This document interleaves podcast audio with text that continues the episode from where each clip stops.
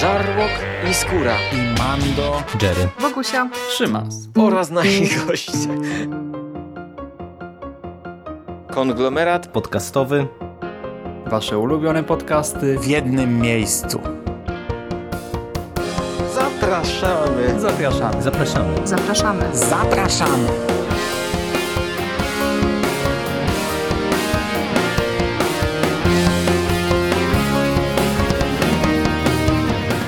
Witam w konglomeracie podcastowym, czyli na platformie, która zbiera wszystkie Wasze ulubione podcasty w jednym miejscu.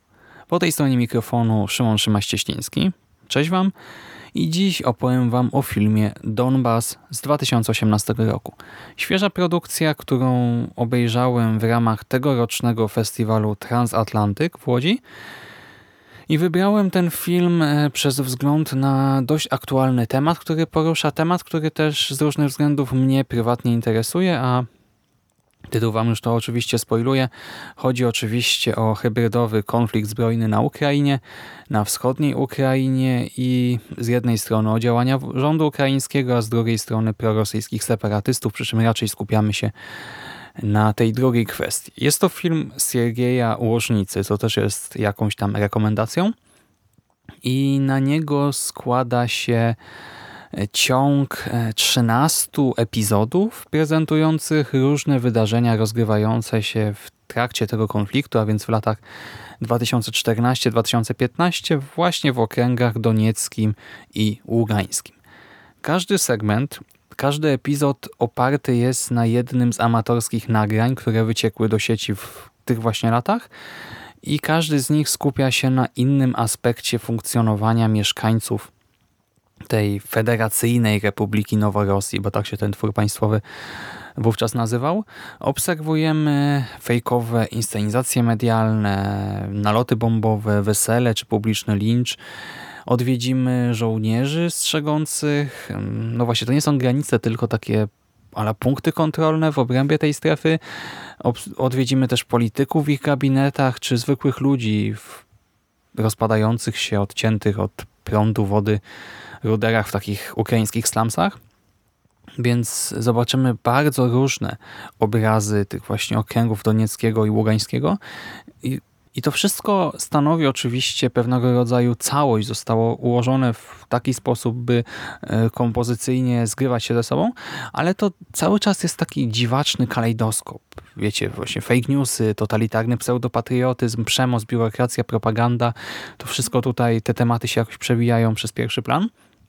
A my to obserwujemy e, poprzez oko kamery, za którą stoi Olek Mutu.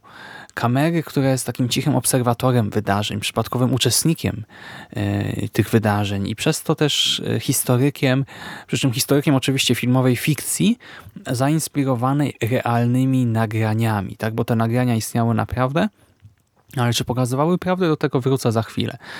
W samym filmie w Donbasie widzimy, jak aktorzy amatorzy udają niedoszłe ofiary zmyślonych bombardowań, bombardowań, za które rzekomo odpowiadają ukraińscy faszyści. Widzimy, jak właściciel skradzionego auta zostaje wezwany do urzędu, w związku z tym, że auto się odnalazło, ale zostaje wezwane nie po to, by je odebrać, by odebrać odnaleziony pojazd, lecz by zrzec się go by się go zrzec na rzecz Republiki oczywiście. I w tym wypadku odmowa to oczywiście zdrada państwa, więc sytuacja dość niekomfortowa. Następnie, czy następnie, to oczywiście nie opowiadam chronologicznie, żeby wam wszystkiego nie zdradzić. Yy, zobaczymy też żeńskiego oficera, który zamienia się w takie uosobienie z potworniałej męskości. Niemiecki dziennikarz trafi tutaj na szwadron rosyjskich najemników, rosyjskich najemników udających yy, tutaj miejscowych oczywiście separatystów do tego najemników, którzy zarzucają mu, Niemcowi, tak, że nawet jeżeli on sam teraz nie jest nazistą, to jego dziadek na pewno nim była. Przecież wszelki faszyzm trzeba tępić. E, zobaczymy też wysoko ustawioną lalunię, która się zakręciła wokół pewnego polityka i dzięki temu no, żyje się jej całkiem nieźle. Ta lalunia próbuje wyciągnąć swoją matkę ze slumsów i nie potrafi zrozumieć, dlaczego mama nie chce iść za nią i woli spędzać swoje życie no, w takim materialnym piekle pewnego rodzaju zamiast zdecydować się na takie życie w luksusie i w bezpiecznej okolicy. W innej sekwencji pracownikom szpitala wmawia się, że placówka jest dobrze zaopatrzona, ich życie zabezpieczone, co niekoniecznie jest prawdą. Widzimy też, jak rosyjska armia biczuje z własnych mundurowych za to, że na chwilę opuścili teren jednostki. Inni żołnierze natomiast e, rosyjscy wystawiają związanego członka armii ukraińskiej na lincz na ulicy i widzimy jak ludzie do niego podchodzą, opluwają go, no, traktują go to jest też ciekawe, bo mężczyzna mówi, że pracował w kuchni, oczywiście może kłamać, ale no wygląda raczej na słabowitą jednostkę. Absolutnie nie pomyślelibyśmy, że to jest sprawny fizycznie żołnierz, a ludzie traktują go jak członka oddziału eksterminacyjnego, jak członka jakiegoś zabójczego komanda. E, wyszydzają, opluwają, robią sobie z nim selfie. Wiecie, no syndrom naszych czasów. Oskarżają go o absurdalne rzeczy, zadają pytania, na które nie ma prawa znać odpowiedzi i biją. Najpierw jednostki, potem cała grupa, początkowo nieśmiało, a po kilku minutach z wolą odebrania życia. I całość jeszcze tej sytuacji, która eskaluje, skręcona telefonem komórkowym przez jednego z zebranych i właściciel telefonu następnie chwali się tym filmem. Filmem z torturowanym mężczyzną w trakcie wesela przyjaciół.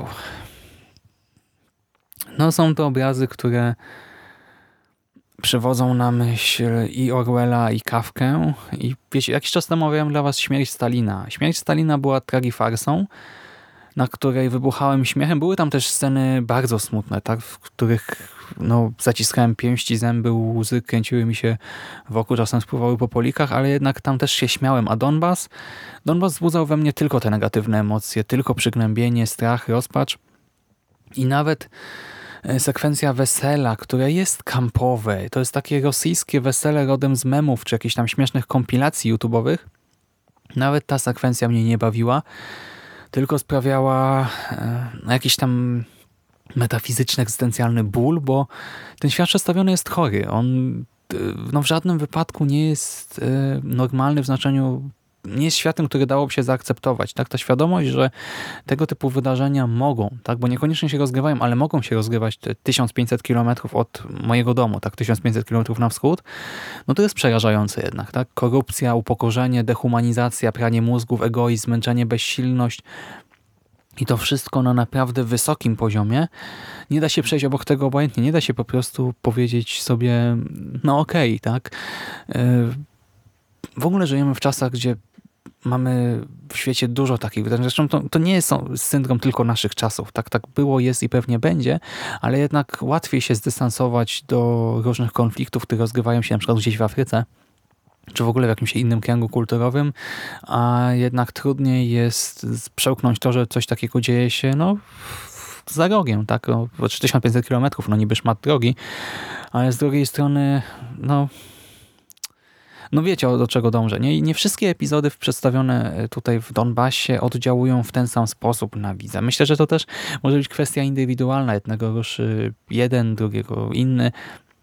Niektóre epizody na przykład e, dla mnie w ogóle nie wybrzmiały, tak? ale są też takie, które wstrząsnęły mną dość dogłębnie. Zresztą chyba słyszeliście też w tym nagraniu, bo trochę mi się głos zaczął trząść e, ta kwestia tego człowieka wystawionego na lincz, czy tej matki, która nie chce uciec wraz z córką i tej, tej córki, która nic nie rozumie, po prostu tak nic nie rozumie.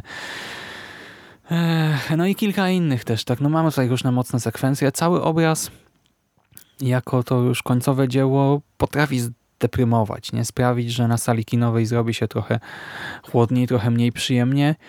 Film Łożnicy przywodzi też na myśl Underground Kusturicy, e, ale zarazem pozostawia e, uważnego widza z ogromnym mętlikiem w głowie, bo wiecie, oglądamy sobie film oparty na tych realnych nagraniach, który nie jest dokumentem, jest jednak fikcją filmową i tak nie wiemy, na ile się z tym wszystkim identyfikować, na ile się dystansować.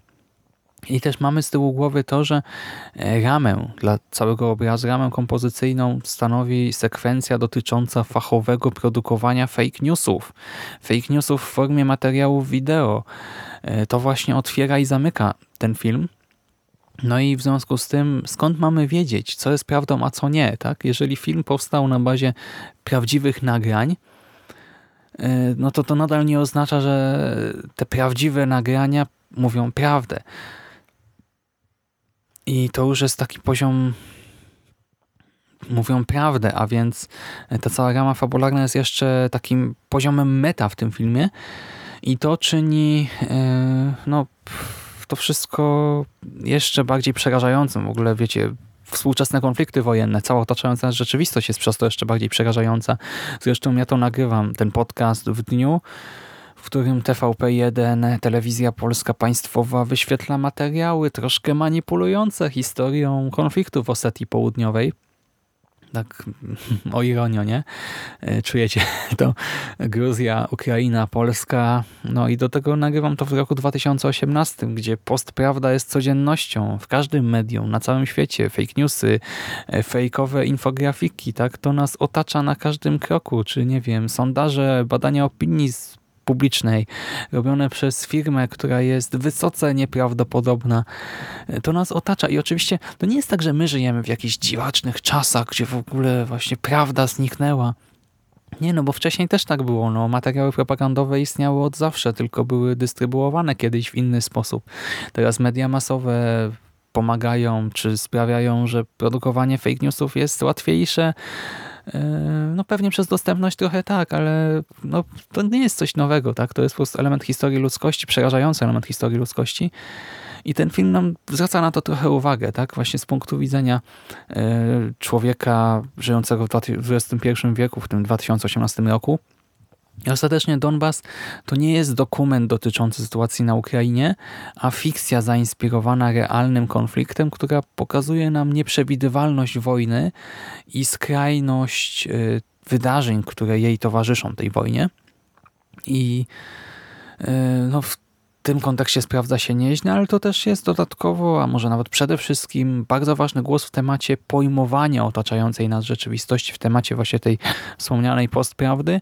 Przy czym ja też nie wiem, na ile to jest widoczne dla takiego przeciętnego widza, bo ja sam na przykład ten poziom metaramy fabularnej dopiero opracowując ten jakieś notatki do tego nagrania, dopiero wtedy e, sobie uświadomiłem to wszystko.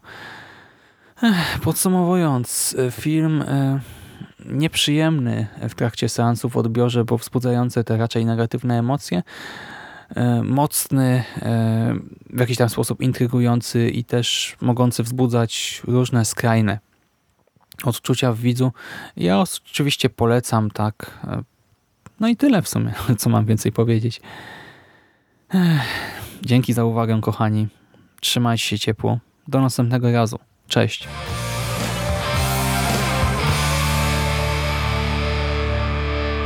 You finished? That's it, man. Game over, man. It's game over. What the fuck are we gonna do now? What are we gonna do? It's over. Nothing is over! Nothing! You just don't turn it off!